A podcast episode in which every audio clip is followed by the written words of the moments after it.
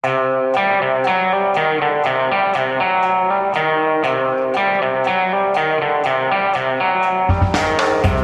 fem etter nederlaget. Trump nekter fortsatt å gi seg, mens koronaepidemien sprer seg i USA. Dette er Giæver og gjengen, og det er eh, torsdag den 12. november. Hanne, velkommen hjem. Tusen takk. Du er, er så nær at du kunne ha vært i Washington, holdt jeg på å si, men, eh, men du er altså nå hjemme på uh, Bekkelagshøgda? Ja, jeg var veldig i tvil om det var riktig å dra fra Washington nå eller ikke. Jeg syns det var utrolig vanskelig valg. Det er aldri helt riktig å dra fra Washington men, eller, eller USA. Nei. Nei. Men rasjonalet var at det er vel ikke noe mer klart på lørdag-søndag som jeg eventuelt skulle dratt hjem enn det var nå, så nå dro jeg hjem. Nei, vi ble vel enige om at, at det kan trekke ut til 20. januar, dette her, i går, og ingenting har tyda på det siste døgnet at, at, noe mer skjer. Trump og store deler av det republikanske parti er gått inn i en sånn fornektelsegreie. Ja, så egentlig så kunne man blitt der til over januar bare for å følge, for det kommer til å være drama helt fram til innsettelsen. Det er jeg ganske sikker på, Anders. Det er, kommer til å være drama i, i fire år eller i, i all evighet fremover, så, så, sånn er jo det. Men um, det, ingen, det er ingen tegn, ingen mer sentrale republikanere eller noe sånt som har begynt å lufte at det er på tide å skjønne når man har tapt? Nei. Jeg vil si nærmest tvert om. Altså er, de er så redde for å støte Trump, sånn at det er ingen som våger. For da mister de velgere, de mister støtte, de får en twitterstorm fra presidenten mot seg. Sånn at de kryper foran alle sammen. Og det, det kommer de til å gjøre til da, i, formelt sett til, til disse valgmennene møtes, da, det er vel ute i desember, og, for å foreta avstemningen? Ja, endelig deadline er vel 14. desember, er det vel de skal da sette inn? Jeg eh, gikk gjennom i dag for moro skyld, fordi det er en del folk eh, sånn, eh, sånne Jeg støtter ikke Trump, men-folk, vet du, som det er en del av på sosiale medier, som holder på med at ja, ja, men demokratene prøvde jo også å få avsatt Trump og Russland-etterforskningen og, og alt som var. Så nå bare gikk jeg gjennom og så på hva som skjedde i timene etter valget i 2016. Altså klokka halv tre var det Hillary Clinton ringte Trump og innrømmet nederlaget. Da mente noen at hun var seint ute allerede. At hun liksom hadde vært i fornektelse. At hun kunne, hun kunne, kanskje ha gjort det to timer tidligere, men da, da solen rant, så hadde hun i hvert fall innrømmet nederlaget. Eh, da, eh, når dagen begynner, så ringer president Obama og gratulerer Trump. Han inviterer ham til Washington dagen etter. Dit kommer Trump med kone og Eh, visepresident elect Mike Pence. Alle hilser på hverandre. De skulle egentlig bare møtes 15 minutter, men det var så hyggelig at de holdt på mye lenger. Obama sier at vi må ønske Trump suksess, for hans suksess er vår suksess. Ja, og sånn har det jo vært eh, alle ganger, Anders, så lenge vi kan huske. At man har hatt en sånn høflig tone, at det har vært en hygg, et hyggelig møte. Man har gratulert hverandre, man har vært decent. Ja, altså det eneste gangen var jo da i, i 2000 hvor, uh, med Bush i Florida, men da var, sto det altså på mellom 500 og 600 stemmer i, i staten Florida. og da trakk jo Da innrømmet jo Al Gore først nederlaget, og så trakk han den. og så tok det noe tid mens man uh, fintelte, men så aksepterte altså Gore også nederlaget. Og det var for at Der var det som du sier, der var det hårfint, der kunne det gå begge veier. Der var det reelt åpent hvem som faktisk hadde flest stemmer i Florida. Nå er det altså en som har over, langt over fem millioner stemmer mer enn motkandidaten, pluss at han har soleklar seier i mer enn mange nok stater til å også ha flest valgmenn. sånn at det er liksom ikke noe tvil. Det å både sammenligne det med forrige valg, eller med 2000-valget, og det å sammenligne med at demokratene har eh, holdt på med disse tingene rundt Russlands etterforskning, det er jo noe helt annet. Det er jo, det er ikke sammenlignbart overhodet, spør du meg. Men det det faktisk er sammenlignbart med Nå sitter jeg veldig og nerder, det må jeg innrømme. Men uh, jeg gikk og så på altså For han passerte jo fem millioner uh, stemmer i overvekt nå, Biden. Så gikk jeg tilbake for å se på uh, Altså, når en utfordrer har slått en sittende president, hvor langt tilbake må du for å finne en så klar seier? Og da må du faktisk tilbake til Franklin Delano Roosevelt, som slo eh, Herbert Hoover i 1932. Det var under depresjonen. Eh, og da fikk, eh, da fikk eh, eh Eh, Roosevelt eh, tror jeg 55% av stemmene, og nå har, eh, nå har Biden 52,9 eller noe sånt.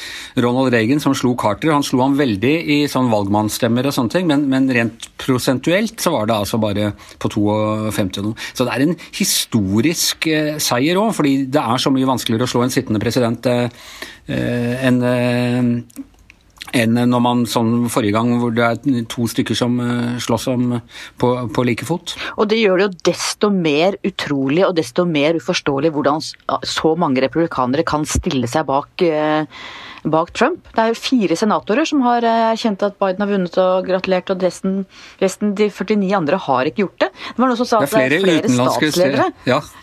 ja. flere utenlandske statsledere enn en republikanske senatorer. Men jeg har inntrykk av at det er en slags sånn, det er flere trinn her. Det er de som sier at nei, ja, men når han har forlangt omtelling, så har han krav på det, og da venter vi. Det er en sånn litt pragmatiske Eh, ikke gjøre Trump for sur-linja.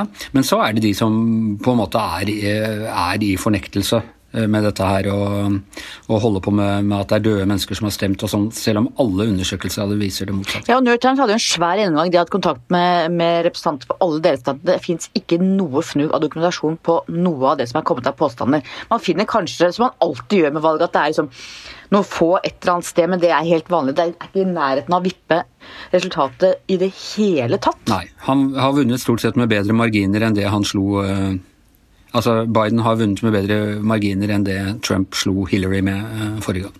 Og Det som er farlig med dette, Anders, det som er farlig med dette, ja. er jo at de som da, de republikanerne som nå kjører på med valgjus og stjeling, de fòrer jo det monsteret ikke sant? De fòrer sin vilje til å mene og overbevise at, er, at det er stjålet. Ja.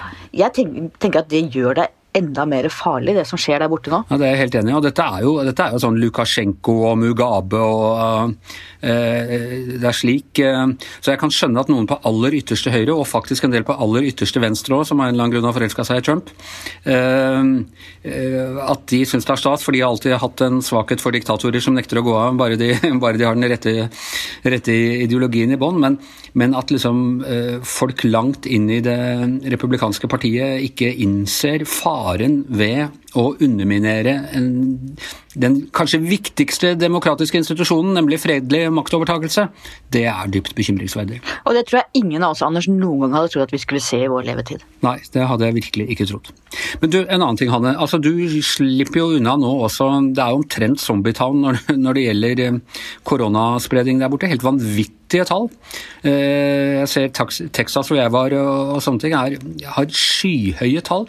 Og nå virker altså Biden driver og legger fram sine planer for hva han skal gjøre, men han får ikke gjort noe, og i hvert fall ikke før eh, Trump har innrømmet nederlaget. Og det virker som Trump har i hvert fall gitt opp å, å gjøre noe med og han, Lite gjorde han før, og mindre gjør han nå. Ja, Han tror ikke han tenker på det i det hele tatt. Og det kom jo rapporter når jeg var der nå, ikke sant, om både sykehus hvor de uh, sa at nå måtte helsearbeidere som hadde påvist korona, men ikke hadde symptomer, måtte jobbe allikevel. For de trengte dem. Det er helt krise på sykehusene. De får ikke funding de trenger, får ikke rådgivning de trenger. Det er helt forferdelig.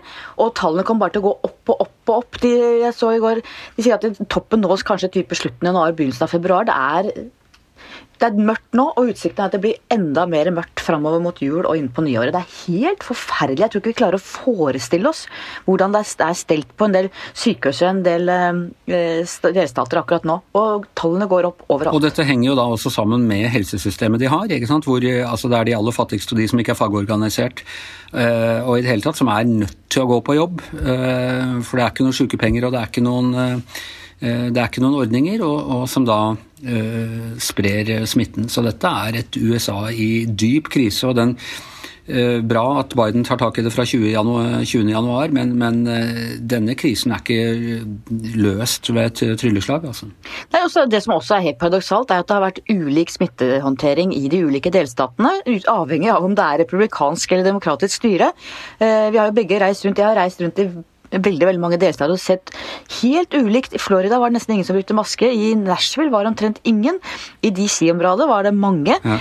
Eh, samme i Philadelphia var det mange. ikke sant? Det er West Virginia var det omtrent ingen. Der var det sånn du bare sånn, må ta av masken med en gang hvis du skal snakke med meg. Ja. Så det, det, er rett Og slett, og, da, og folk reiser jo på kryss og tvers i Amerika. ikke sant? Også når vi så på flyplassene, veldig mange som fortsatt flyr og er på reisefot. sånn at smitten har fått spre seg veldig lenge helt ukontrollert. Og det ser vi nå at det bare eksploderer. Jeg må jo da si Texas, som jo nå er veldig hardt rammet. Eh, I hvert fall i Austin så var de gode på maske. Det de ikke var så gode på, var sosial distanse.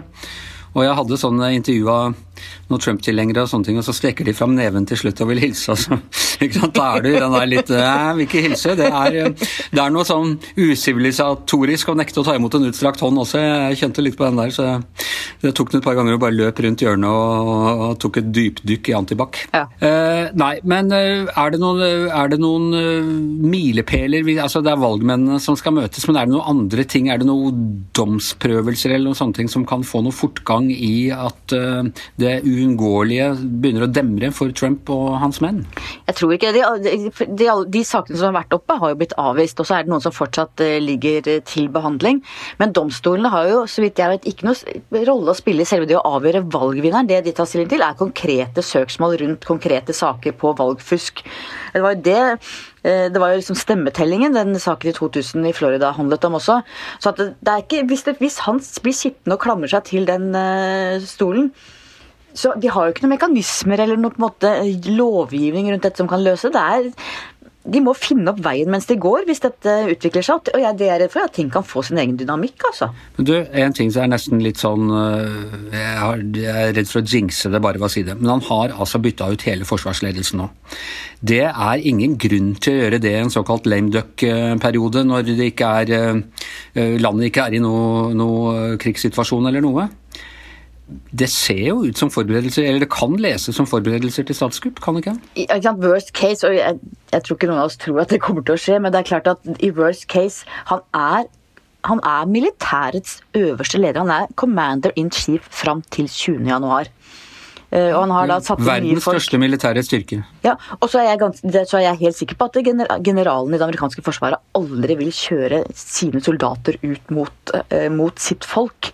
Men det er klart det kan bli i hvert fall kan det bli en del skuddmunder på den veien. Ja, nei, Det er nettopp det jeg tenker også, at den garantisten vi har her er faktisk ikke de sivile, demokratiske valgte eh, myndigheter, men de militære myndigheter. Og i land hvor det er de militære myndighetene som garanterer eh, demokratiet, det, det går sjelden bra i lengden. Tenk at vi har denne samtalen, Anders. Ja, det er helt vanvittig. Det er helt vanvittig.